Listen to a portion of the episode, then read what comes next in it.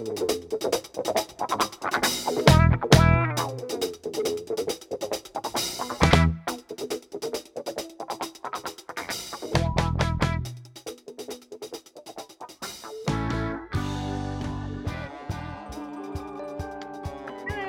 lagi dengan podcast ini bukan diskusi yang tayang tiap Selasa dan Kamis malam jam 7. Um, topiknya beda-beda, kayak buat bulan April seperti yang mungkin pendengar podcast ini bukan diskusi sudah tahu. Topiknya adalah tentang active lifestyle. Gimana sih caranya uh, berusaha mengimbangi kehidupan dan juga olahraga. Tamunya mayoritas dari Bintaro Trojan Runners ya, dan kayak buat malam ini sesuai sarannya Dedi karena Dedi penasaran kenapa tamu kita seneng banget ganti-ganti warna rambut. Oleh karena itu kita undang Mbak, oh, Ibu, Tante, Ade, Evi Wahyuni. Hai Evi. Halo, halo, halo Mel, halo Dad. Halo Vi, apa kabar? baik, baik. Jadi gue dilihatnya nih ganti-ganti warna rambut ya. Iya, itu doang Iya. menariknya. Kalau kalau gue lihat lari orang dari jauh gitu ya, ini lihat rambutnya. Terus Dedi, siapa ya Dad anak BTR? Evi, Evi. Oh, keto ya, gara-gara keto. Bukan, gue pengen tahu dia ganti rambut per berapa kali.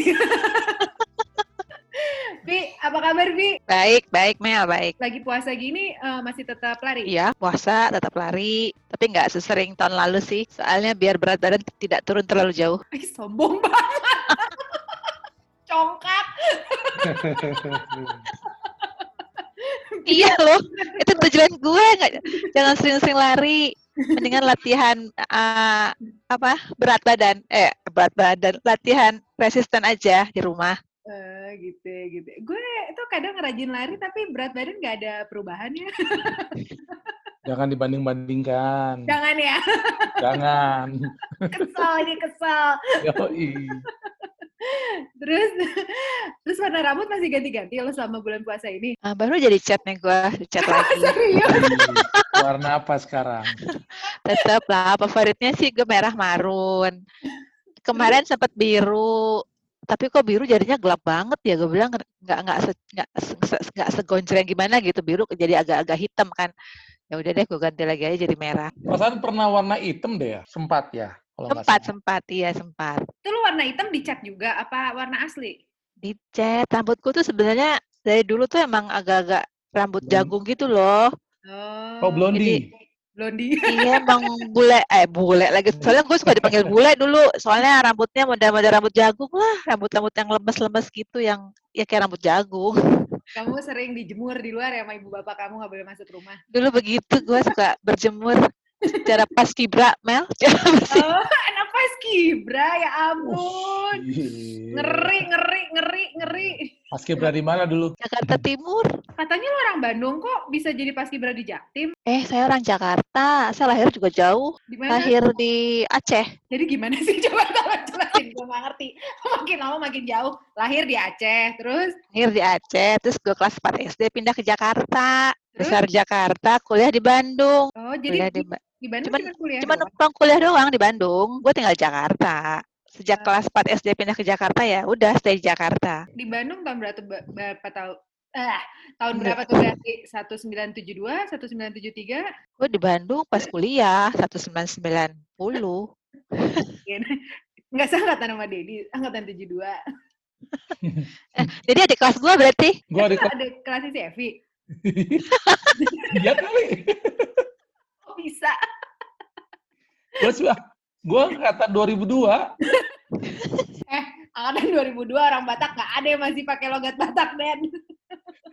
Tapi eh tapi gue pertama kali lihat Dedi tuh kayaknya galak gitu, udah terus nggak berani negor gitu sebenarnya. Loh memang, Eh, memang galak.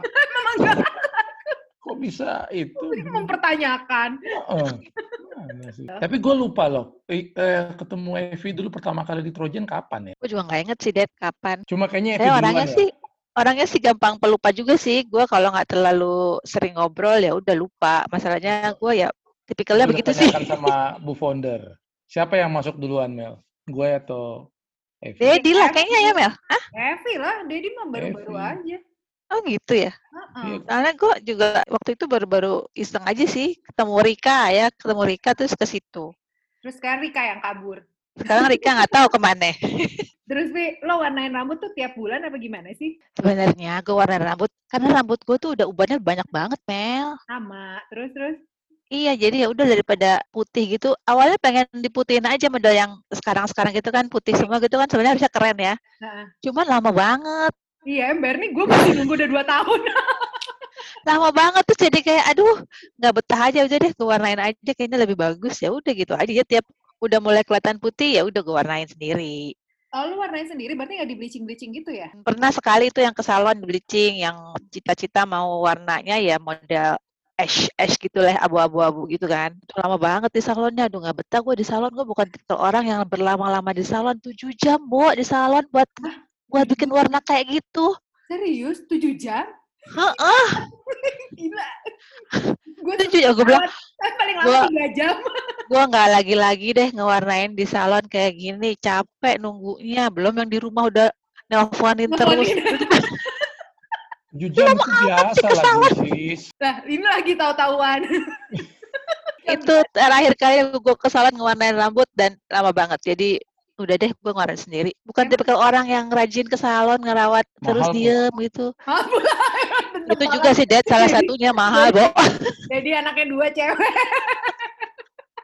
jadi tahu ya Dad ya kan bisa ngecat rambut sendiri. iya mendingan sendirilah lebih lebih Iya. praktis Hanya. tapi kalau emang harus nge di bleaching bleaching itu emang masih lama banget sih prosesnya kemarin gue juga ngewarnain rambut anak gue ya harus di bleaching dulu gitu kan itu juga lama 4 jam Lu 5 bleaching? jam baru selesai eh sekarang ada YouTube kan Mel tinggal diikutin aja Tapi sebenarnya tuh ngerusak nggak sih kalau di bleaching itu Nah, rambut tuh jadi tipis nggak sih? Gue soalnya nggak di nggak gue gue hairspray eh hairspray hair dryer aja jarang.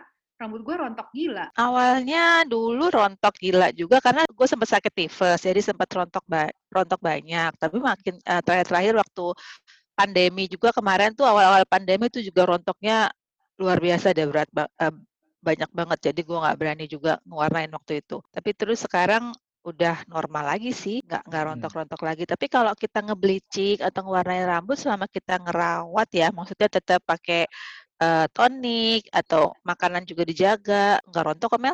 Oh, Tergantung makanan juga. Makanannya apa? Yang penting protein itu masih banyak buat pertumbuhan. Rambutnya pertumbuhan sehat tapi bisulan. Nggak dong deh. Pasti lo mengasumsikan protein sama telur aja deh, jadi dianggap bisulan. Soalnya beli daging mahal sih. Daging emang mahal sih. Jadi ya iya. protein ikan, telur, ayam. Eh, Vi, kalau nggak mau susah ya, ke Loops aja. Kita punya protein shake kok. smooth ya, that smooth. Yo, iki. lumayan kan sekarang kan? Lumayan kan? Gue biasa beli di itu sih, di Max. Oh iya, nah Max itu sekarang taruh di lu. Oh, gue suka tuh, Dad. Beneran, karena kan nggak pakai gula juga ya. Oh enggak dong. All Heeh. natural. Enak-enak gue beberapa kali beli di situ tiap habis latihan pasti gue beli terus gue bawa pulang buat besoknya lagi besoknya lagi cuman bulan puasa ini gue nggak latihan di sana sih abis jadwalnya nggak pas ya Eh, kalau belanja tujuh puluh ribu bisa dapat free voucher seminggu di Max. Max itu yang gym kemarin itu ya, Det ya? iya Yes. Di betul mana gymnya? gymnya di Jalan Pondok Aren sih kalau naik sepeda empat setengah kilo Mel Dari rumah lo, ru- Dari rumah gue. Mati gue ke sana. Pas setengah kilo kalau lari ya 15 menitan lah ya. Oh iya, Iya. banget. kan lo tuh terkenal ya di BTR yang satu-satunya yang memulai kalau menurut gue bukan satu-satunya yang memulai pola makan keto style. Boleh jelasin nggak sih apaan sih itu pola makan keto itu? Memulai dan konsisten. Betul, mulai dan konsisten sisanya berguguran. iya kayaknya beberapa kok ya setelah gue dulu sempat ada yang keto juga karena gue sempat ngasih apa bikinin eh, cheesecake tuh waktu itu buat buat dia juga ya gue sebenarnya memulai keto awalnya dari pencarian aja sih karena gue setelah melahirkan itu naik apa ya berat badan itu kan gemuk banget. Gue hamil tuh eh, naik berat badan tuh 25 kilo mel. Jadi kan luar biasa lah ya gendutnya. Nah Mm-mm. udah udah beberapa pola makan gue coba sampai pada akhirnya tuh eh, mentok. Artinya mentok gue berpikir nih ada yang salah. Soalnya lingkar pinggang itu nggak berkurang rugi doang ya. Dan makan terus terus. Makan udah bersih, cuman makan putih telur doang waktu itu, terus segala macam rebus-rebusan. Kenapa lingkar pinggang nggak berkurang-kurang 85 aja gitu kan? Ini kayaknya ada yang salah gitu ya.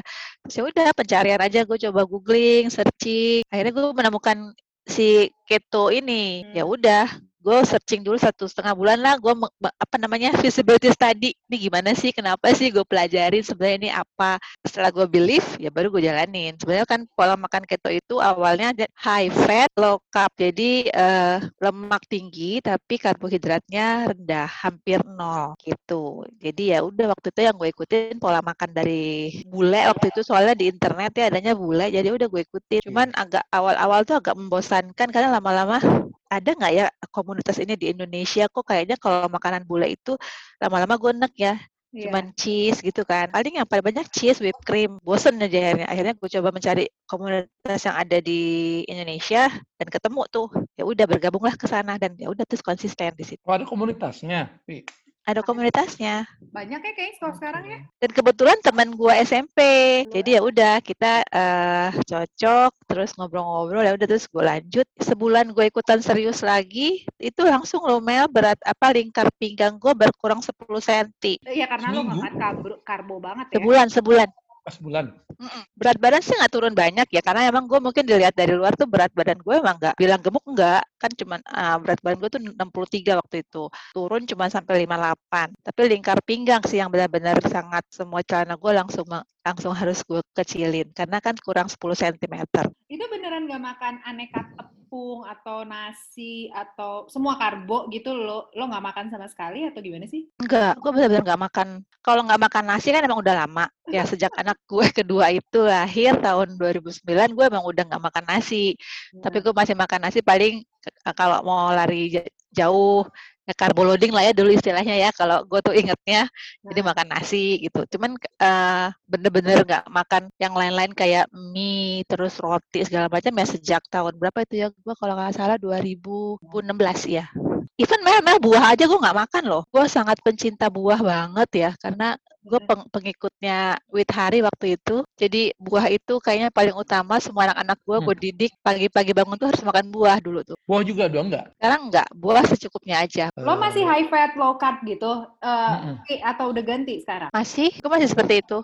Itu kenapa bisa kayak gitu? Apa yang menyebabkan lingkar pinggang bisa turun? Ternyata jus buah itu tidak baik. Iya, jus, jus buah, buah ya. itu kan dia mengandung fruktosa tinggi begitu dia di jus fruktosa itu itu akan masuk langsung ke liver ke hati Nah, hati itu yang akan nanti memecah gula itu. Jadi tidak masuk ke pembuluh darah. Sementara kalau glukosa itu yang dari beras, tepung-tepung itu dia akan masuk ke sel darah dan dia akan dipecah oleh sel darah. Nah, tapi kalau fruktosa dia akan numpuk di hati.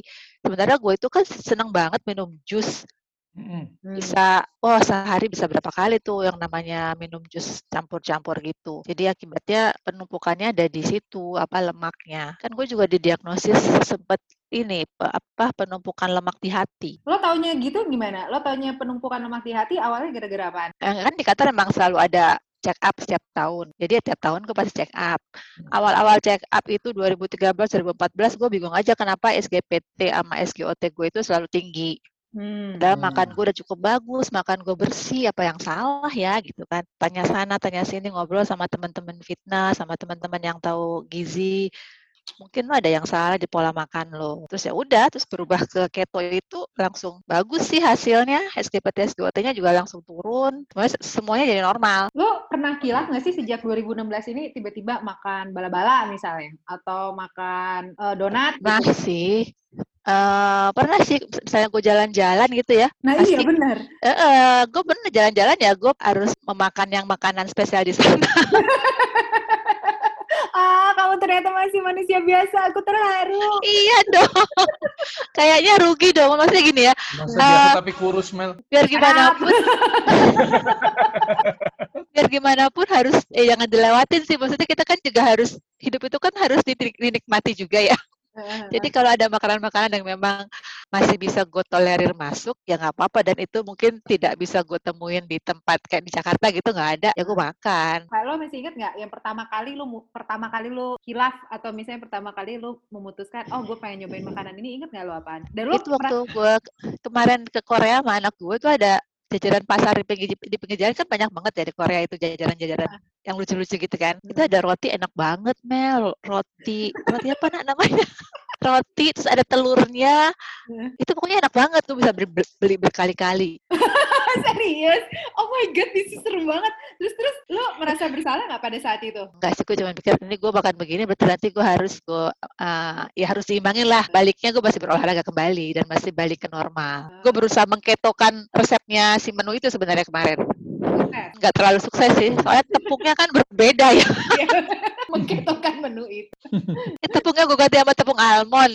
Rasanya jadi kurang aja nggak nggak semate semate si tepung yang di sana itu. Gue kemarin pernah cobain ya kan kemarin sempat happening tuh yang garlic cheese bread. Mm, iya. Uh, uh. Gue tuh nggak tertarik sebenarnya, tapi semua orang kayak di Instagram tuh nggak henti-henti orang ngomongin garlic cheese bread. Akhirnya gue cobain, nggak bisa lo gue itu terlalu makteh banget buat gue. Gue nggak bisa bikin, tapi gue coba yang keto kemarin. Huh? Ada teman gue yang bikin, enak Apa? sih.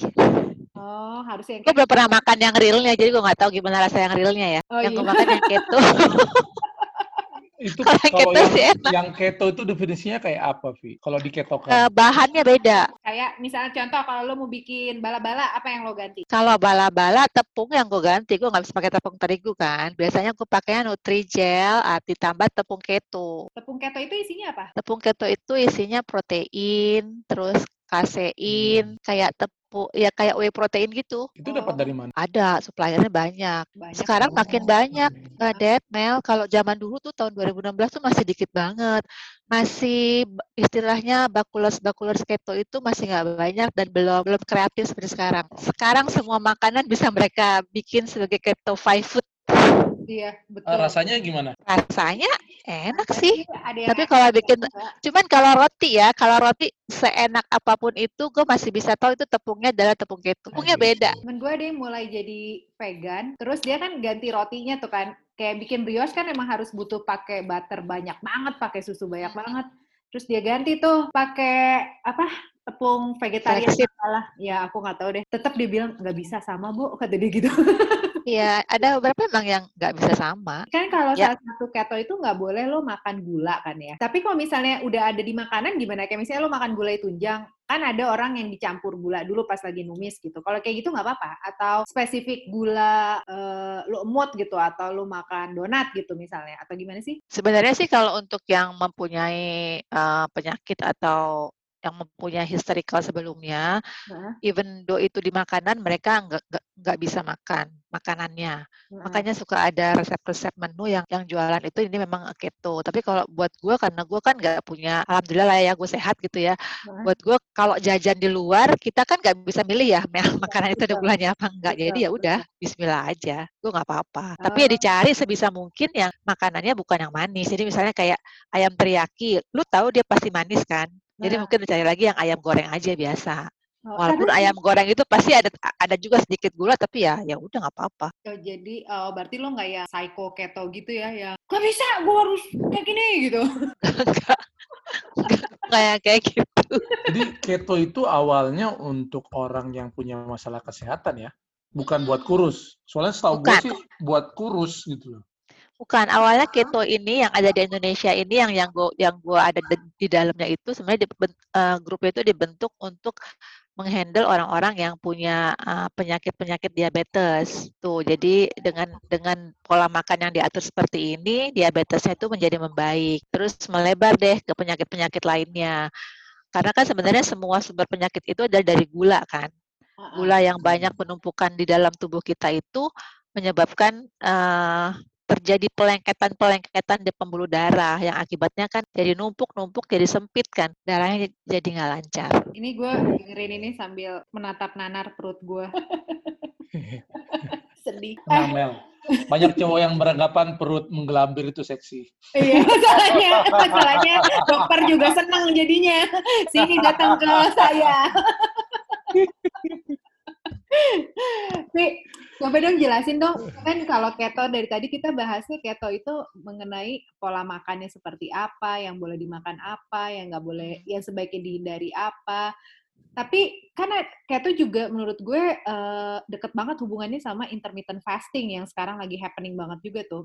Menurut lo berkaitan apa enggak sih atau gimana sih sebenarnya intermittent fasting itu? Justru waktu di awal-awal itu grup yang gue ikutin dia udah menjalankan hmm. Uh, intermittent fasting. Waktu yang gue masih me, apa searching di internet yang pakai Google itu keto di luar itu belum pakai intermittent fasting waktu itu. Tapi di grup gue ini mereka sudah menerapkan intermittent fasting. Jadi mulai dari jam 8 malam sampai dengan jam 12 besok siangnya itu hmm. kita tidak makan makanan besar lah ya, hanya boleh diisi oleh air putih, teh tawar atau kopi. Jadi dari jam 12 baru kita buka dengan makan. Terus nanti ya udah terus makan sampai nanti jam 8 malam lagi ya ditutup makannya puasa lagi. Nah, intermittent fasting kan juga ada beberapa. Nah, kalau di keto itu kita punya jam-jam puasa itu 16 16 8. Jadi 16 jam uh, 16 jam puasa, jam 8 itu eh 8 jam kita boleh makan. Makin makin tinggi apanya ya. Biasanya kalau dia punya penyakit yang tertentu biasanya dia harus memperpanjang puasa. Jadi bisa 18 jam puasa, bisa 20 jam puasa, 4 jamnya ya waktu makan. Ada yang juga oh. istilahnya omat, one meal a day. Jadi omat itu dia puasa, dia hanya punya waktu makan tuh sekitar dua jam, hanya satu kali makan. Jadi dia kayak bulan puasa aja terus ya, terus lewatin sahur. Iya, lewatin sahur. Enggak, oh gue pikir Gue kan tadi Evi bilangnya um, kalau intermittent fasting berarti uh, semakin ada penyakit semakin tinggi, eh, semakin lama durasinya kita puasa. Tapi gue kirain intermittent fasting itu semakin pinter, lu semakin lama puasa. Enggak. Enggak ya? gitu sih, enggak. Tergantung jenis puasanya kan ada puasa yang untuk tadi itu untuk uh, menyembuhkan penyakit, ya pasti lebih panjang. Hmm. Ada yang istilahnya yang gue baru kemarin ikutin atau ada yang metabolic switching itu beda lagi ada yang cuma 14 jam. Masing-masing tujuannya puasa itu masing-masing ya lama uh, lamanya juga berbeda-beda sih. Itu yang namanya auto pagi, auto pagi itu adalah di mana uh, apa badan kita itu meregenerasi sel-sel yang ada itu di puasa minimal 16 jam. Kalau lo lebih muda, Mel. eh, muka gue tua tapi. Kalau lu rajin, ini dulu dari 2016 ya intermittent fasting ya? Dad, lo ngerti nggak Dad intermittent fasting, Dad? Ngerti, ngerti. Mau coba nggak? Nggak mau. Kenapa, Dad? saya saya saya pecinta makan. Saya suka itu loh, hungry. Oh iya, hungry enak. Oh, uh. Hungry apa? Hungry, La, um, marah karena lapar. hungry. Gue kirain itu satu restoran ada, baru. Ada tahu, emang ada hungry namanya beef bowl enak banget juga itu. gue pikir itu. Terus nih, lo intermittent fasting dari uh, eh, 2016 kan berarti. Sampai sekarang masih nggak sih? Masih, tapi uh, terakhir-terakhir ini uh, eh, gue nggak terlalu fokus di intermittent fasting karena eh, tahunan ini ya gue fokus di uh, karena gue mau ya tadi menambah masa otot jadi gue nggak terlalu fokus di intermittent fasting ya. tapi tetap puasa sih Puasanya. tapi ada ada masanya aja jadi misalnya seminggu itu gue cuma puasa uh, dua kali sisanya gue makan normal jam 10 tuh udah udah sarapan. Oh, jadi 12 jam atau hmm. 14 jam aja ya? Uh, kenapa menambah masa otot bukannya tergantung dari asupan protein? Kenapa intermittent iya, kalau, fastingnya? Soalnya oh. kalau intermittent fasting kan kalau terlalu sering tubuh lo tuh jadi udah kayak familiar gitu loh sama pola makan lo gitu kan. Dia nggak ada apa ya namanya. Kalau kita terbiasa makan begitu aja si badan kan akan understand oh dia tuh sebenarnya memang pola makannya seperti itu. Jadi ya udah tinggal ngikutin aja. Jadi harus gue mikir tuh sekarang harus kayak diacak aja sedikit biar si badan tuh cheat day-nya gitu ya. Uh, uh, jadi tahu oh kok ini begini sih tiba-tiba jadi dia nggak kayak stay gitu doang. Soalnya sekarang ini kan berat badan gue sih stabil ya di, di situ-situ aja tapi uh, pengennya tuh masih mau men, apa ya menur, menurunkan lingkar pinggangnya sih. Evi buat eh, email merasa bersalah berat badannya sekarang berapa? Body fat aja body fat kalau bikin gue merasa bersalah mah. gue di lima sembilan. Body fat berapa? Lima sembilan. Body fatnya body fatnya berapa Pi? Body fatnya 25 masih. Uh, gue dong tanya berapa? Berapa, Mel? 38 persen. Apa? Gimana, Mel? Tolong ulangi. 38 persen. Jadi kalau berat gue 63 kilo, lo hitung aja tiga, berapa berapa kilo gue nenteng-nenteng lemak di badan gue tiap hari. Ya sebenarnya lemak itu nggak ada masalah buat cewek, asal di tempat yang benar. Nah, itu mungkin, iya benar tuh, Mel, benar. di tempat yang benar ya.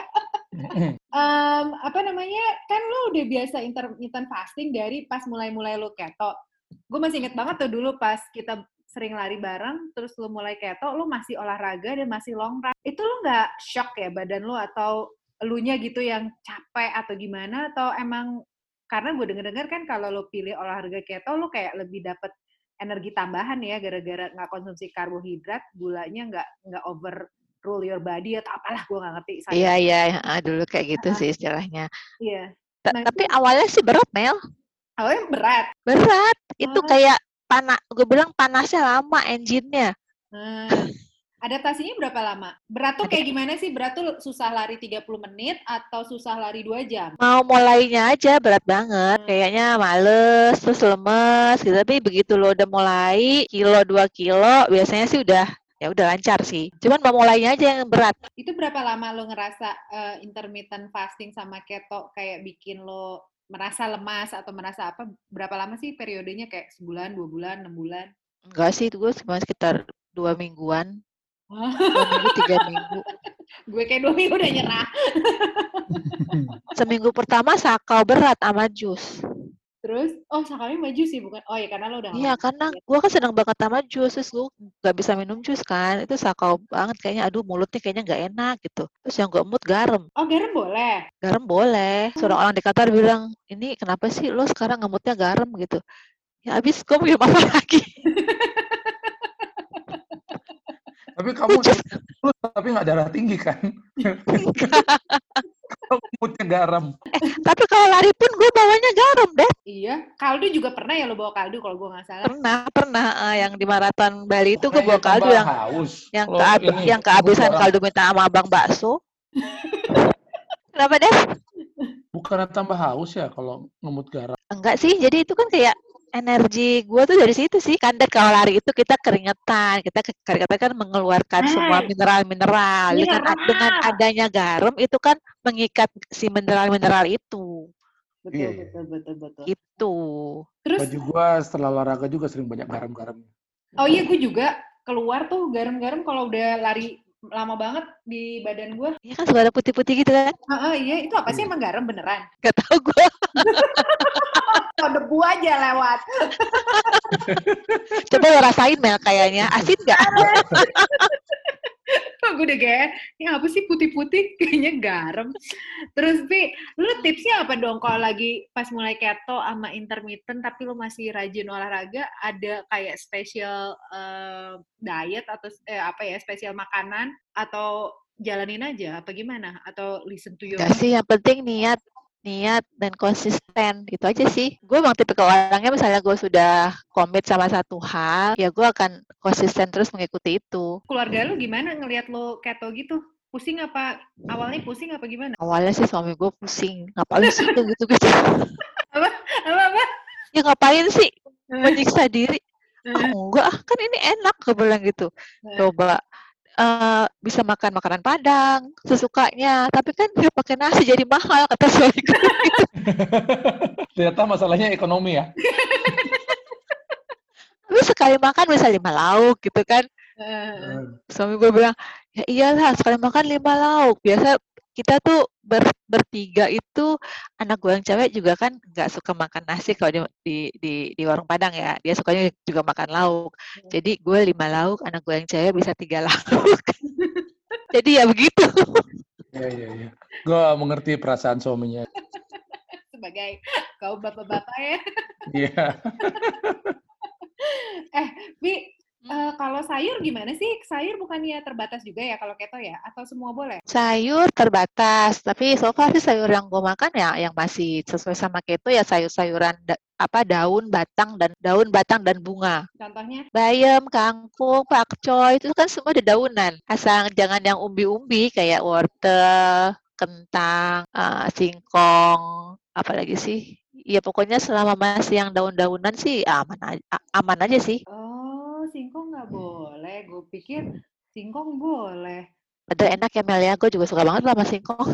Enggak, maksud gue, gue kadang-kadang ya kalau makan padang, kalau gue udah bosen makan nasinya, gue makan si ayam bakar pakai si singkong atau singkong rebus daun singkong. Eh, daun singkong sih gue masih makan sih. Loh, gimana sih? Kan itu daun, Mel, bukan oh, singkong. Oh, Singkongnya. Daunnya nggak apa-apa. Oh. Kan yang boleh dimakan tuh da daun, batang, dan bunga. Jadi kayak uh, bunga pepaya boleh makan. Oh. Jadi benar-benar fruktosanya itu yang dihindari ya? Ah, uh -uh, benar-benar itu yang dihindari. Kalau zaman dulu gue dietnya sebelum keto ke mana-mana mencarinya salad. Susah kan Mel? Mana ada lo, lo mencari salad di pinggir jalan gitu misalnya lagi nongkrong di misalnya uh. di Marlboro gitu mana ada kan salad. eh berarti lo ada gado-gado namanya. Iya benar. Eh bumbu kacang nggak boleh ya, Bumbu kacang sih gue makan sedikit. Hmm. Tapi ya hmm. kalau bisa milih ya gue menghindari. Tapi kalau nggak ada pilihan ya ya udah dimakan aja. Santan gue nggak terlalu ya? yang nggak terlalu yang sek, apa ya sekluk-sekluk gitu sih. Ya. Uh, ya kayaknya kalau, kalau jus ini jus sayur bisa boleh nggak? Jus sayur boleh sih tapi kan nggak enak ya deh. Kalau lo nggak campur sesuatu buah kan nggak enak, anyep. Oh iya ya. Oh, gue tiap pagi biasanya minum jus sayur. Lo campur apa tuh? Kagak ada, eh, nggak enak aja emang. Iya anyep. Ya boleh sih sebenarnya tapi gue nggak suka karena rasanya anyep aja. Oh jus sayur boleh, gue baru tahu. Yang paling gak enak itu adalah jus daun kelor. Jangan pernah nyobain deh. Rasanya apa, deh? Tahu ih. Uh, jangan pernah deh. Nggak bisa gua telan. Oh iya daun kelor tuh enak lagi, mah. Nggak suka. Nggak. Nggak pernah makan aku. Itu kan dibilangin ini, apa, sayur uh, super. Terutama buat artritis bagus. Dia punya lengkap banget kandungan gizinya. Iya, katanya kelor ya. Kelor tuh yang kecil-kecil daunnya kan ya, kalau nggak salah. Iya. Yang di depan rumah Dedi aja gue taunya. Uh, uh, di sini juga ada kayaknya yang punya biasa BRT. buat ini kalau orang kebal disabet pakai daun kelor. Pah. Eh, garing. Kalian pernah tahu nggak itu sih dunia tidak selebar daun kelor? Iya, sering dengar gue. sering dengar sih. Tapi nggak pernah lihat daunnya. Astaga. Tua anjir. ini pengetahuan umum, Mel. iya, tapi kalau aku tahu, kalau aku sampai tahu, aku merasa seumuran sama kalian. Kamu tuh aneh, pernah kuliahnya di Bandung loh, Vi? di Bandung ya Mel kuliah? Iya, gue kuliah di Bandung, di Unpar. Oh, Unpar. Gue nggak lolos Mel waktu itu di Unpar. gak usah, gak usah pengumuman kali, malu. Kamu kuliah di mana, Vi? Gue Unpad. Beda R sama D. Ya, gimana sih orang biasanya nggak keterima Unpad baru masuk Unpar. Balik lo gue daftarnya ke Unpar dulu tuh nggak nggak keterima gue ya udah deh gue di Unpar aja aneh iya Padahal biasanya buangan. Biasa anak Jakarta nggak tau Medan. Regimen latihan olahraga lu seminggu berapa jam sih sekarang? Maksudnya uh, sebelum sebelum puasa, sebelum puasa? Sama aja sih, sama sekarang juga gue sama sih. Sekarang gue bahagia dengan WFH sebenarnya sebenarnya karena punya banyak waktu buat olahraga. Biasanya seminggu itu pasti bisa tiga kali tiga kali satu jam kalau resisten training. Terus nanti gue di sela-sela itu ada uh, lari sama sepedaan satu jam, satu setengah jam, dua jam lah. Tiga tambah dua tambah dua, tujuh lah kita segitu. Tujuh jam per minggu. Wow, kamu udah bisa loh daftar half Ironman. Aduh, takut Mel. Sama. gue nggak bisa berenang lah gue bisa tapi nggak berani tempat dalam sia-sia kan itu kalau nggak mau ikut Ironman, hmm. mau ikut Ironman tapi nggak bisa berenang, ikut aja mini tri yang di kolam renang. Ya, orang dia nggak bisa berenang juga, jadi jalan kaki. Orang bisa jalan di kolam renang. Waktu oh, gue ikut iya. mini tri itu jalan. Orangnya kayak cendol gitu banyaknya. Oh iya benar. Gitu.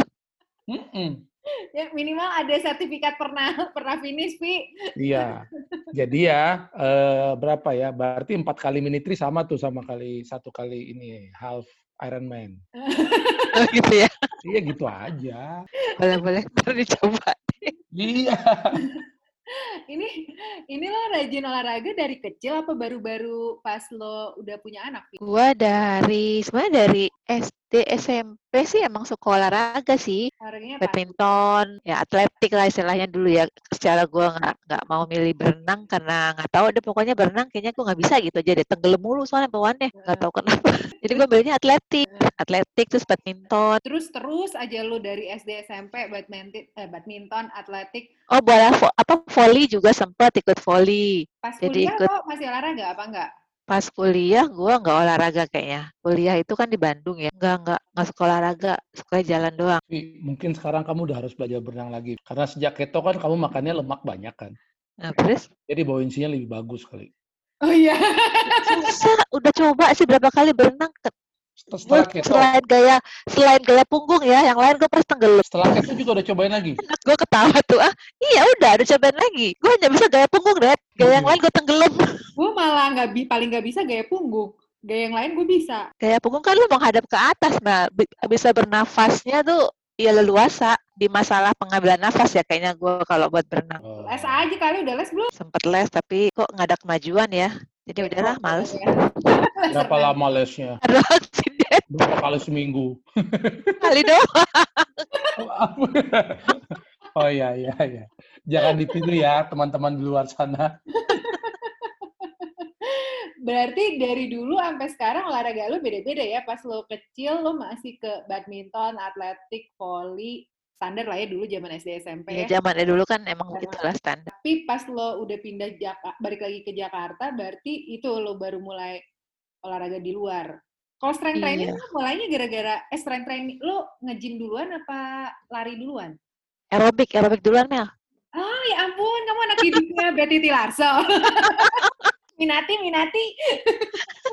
Iya tuh pada masanya tapi gue nggak sempet ke sana sih. Gue ikutnya waktu itu cuma di Pasaraya situ loh Pasaraya Manggarai. Oh serius?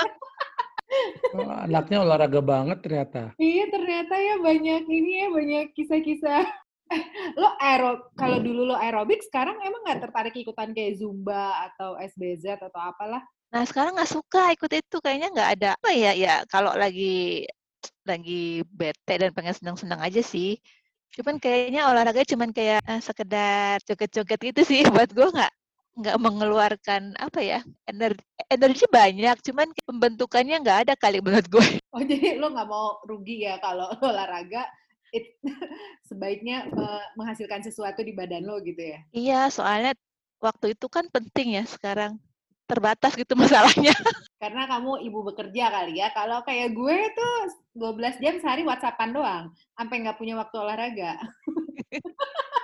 Terus, Pi, em, Hmm. kan lo kerja juga nih. Mm-mm.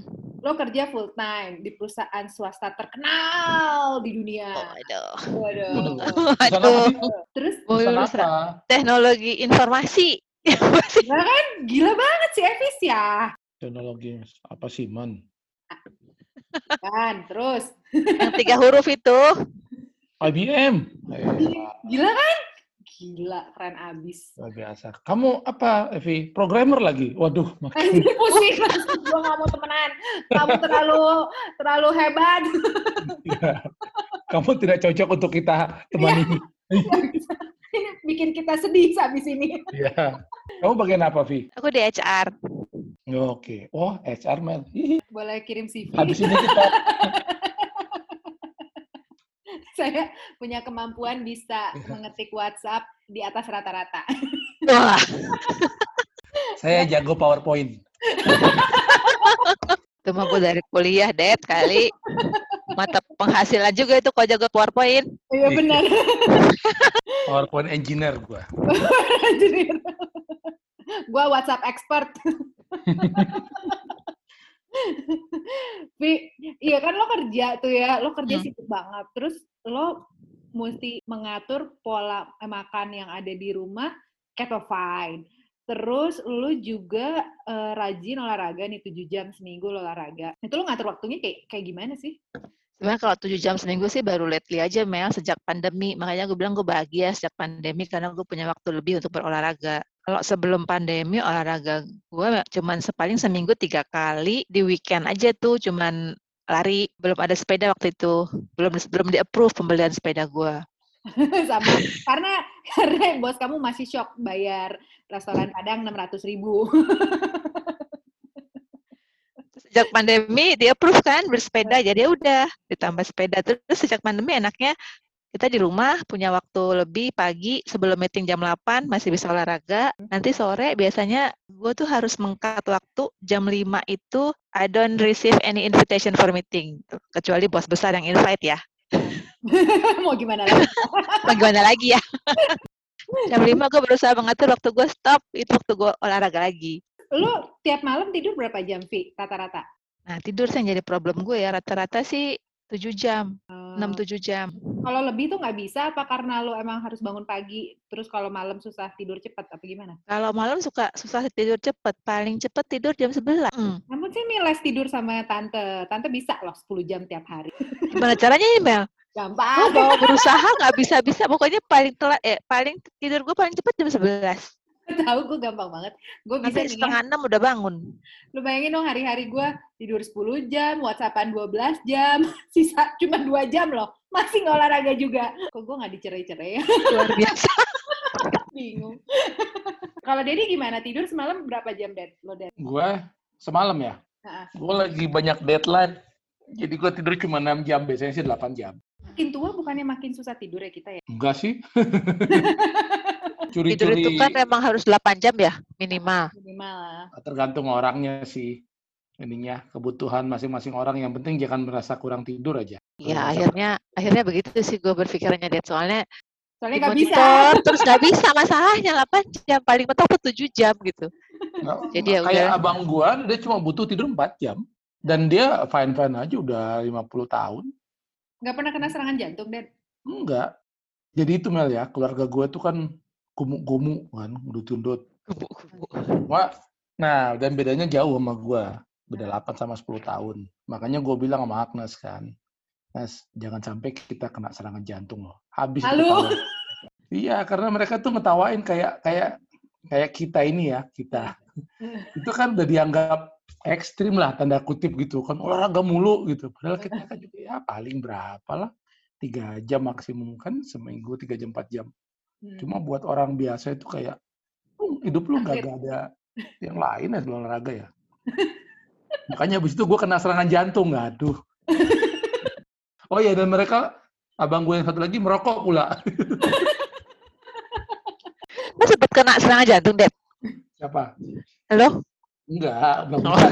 kirain. jangan sampai gue kena Jangan serangan sampai. jantung gue bilang pasti habis itu ketawain sama mereka Iya benar. Ada tuh temen gue kemarin eh, males banget pakai masker kan, tapi karena kata dia soalnya imun dia bagus banget, emang dia rajin banget olahraga, makannya bagus segala macam. Imun gue bagus, imun gue bagus. Iya, semalam kena corona, dia marah banget. Imun gue bagus, kenapa gue kena corona? dia masih kantor Sementara temen gue yang kerjaan makan mulu, terus apa nggak ada olahraganya, mana-mana aja nih sampai sekarang. Lebih ke malu ya, sama kayak si Dedi. Wi, terakhir, tantangan buat rutin olahraga sama menjaga pola makan lo itu apa sih sebenarnya? Kalau lo pikir-pikir. Kalau gue pikir-pikir tantangan olahraga lebih ke pekerjaan aja sih. Bagaimana gue bisa bagi waktu dengan pekerjaan. Soalnya kadang-kadang pekerjaan gue itu kan eh, dibilang 9 to 5, nggak bener-bener 9 to 5 juga. Kalau bos tiba-tiba manggil harus ready gitu kan. Tantangan terberatnya yaitu bagaimana di sela-sela waktu kerja itu gue masih bisa menyisipkan waktu-waktu olahraga. Karena kalau udah kerja banyak project, banyak isu kadang suka nggak sempet. Apalagi misalnya udah masuk kantor ya nanti ya, itu agak susah banget gue turun membuat olahraga. Nih, Di kantor lo ada gym? Bawa kan ada celebrity fitness. Oh iya ya. Bener-bener. Kan saya di Plaza Indonesia. Ma- kamu sombong banget deh. Udahlah, menjaga biar berat badan gak turun terlalu drastis. Kantor saya di Plaza Indonesia. paling paling susah bilang sama bos, aduh saya nggak bisa meeting habis jam 6. Iya emang itu Mel biasanya. Eh ya gue maksudnya kenal lo, kenal Dedi awal-awal di email galak, Dedi juga galak. Tapi ternyata memang kita masih sekarang? galak kita deh karena lagi interview aja nggak galak-galakin ya. Jangan sampai reputasi kita tercemar loh. Gue gue dulu galak, tapi pas ada Uci, gue kalah galak. Mending mundur Emang Uci galak ya? Waduh, serem. Waduh, dia malah nggak tahu.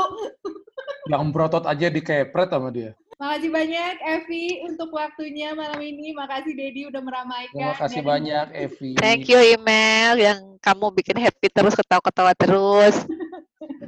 Padahal dalam hati menangis. Dia renyah banget loh ketawanya itu. Iya, seneng gue juga. Eh, ilmu itu yang bisa bikin eh, suami saya masih mau menikahi saya. Oke deh, makasih banget ya Evi. Oke oke, Evi. thank you ya, thank you ya Mel, thank you Dad. Jangan lupa pendengar podcast ini bukan diskusi yang masih mendengarkan itu juga yang empat orang itu.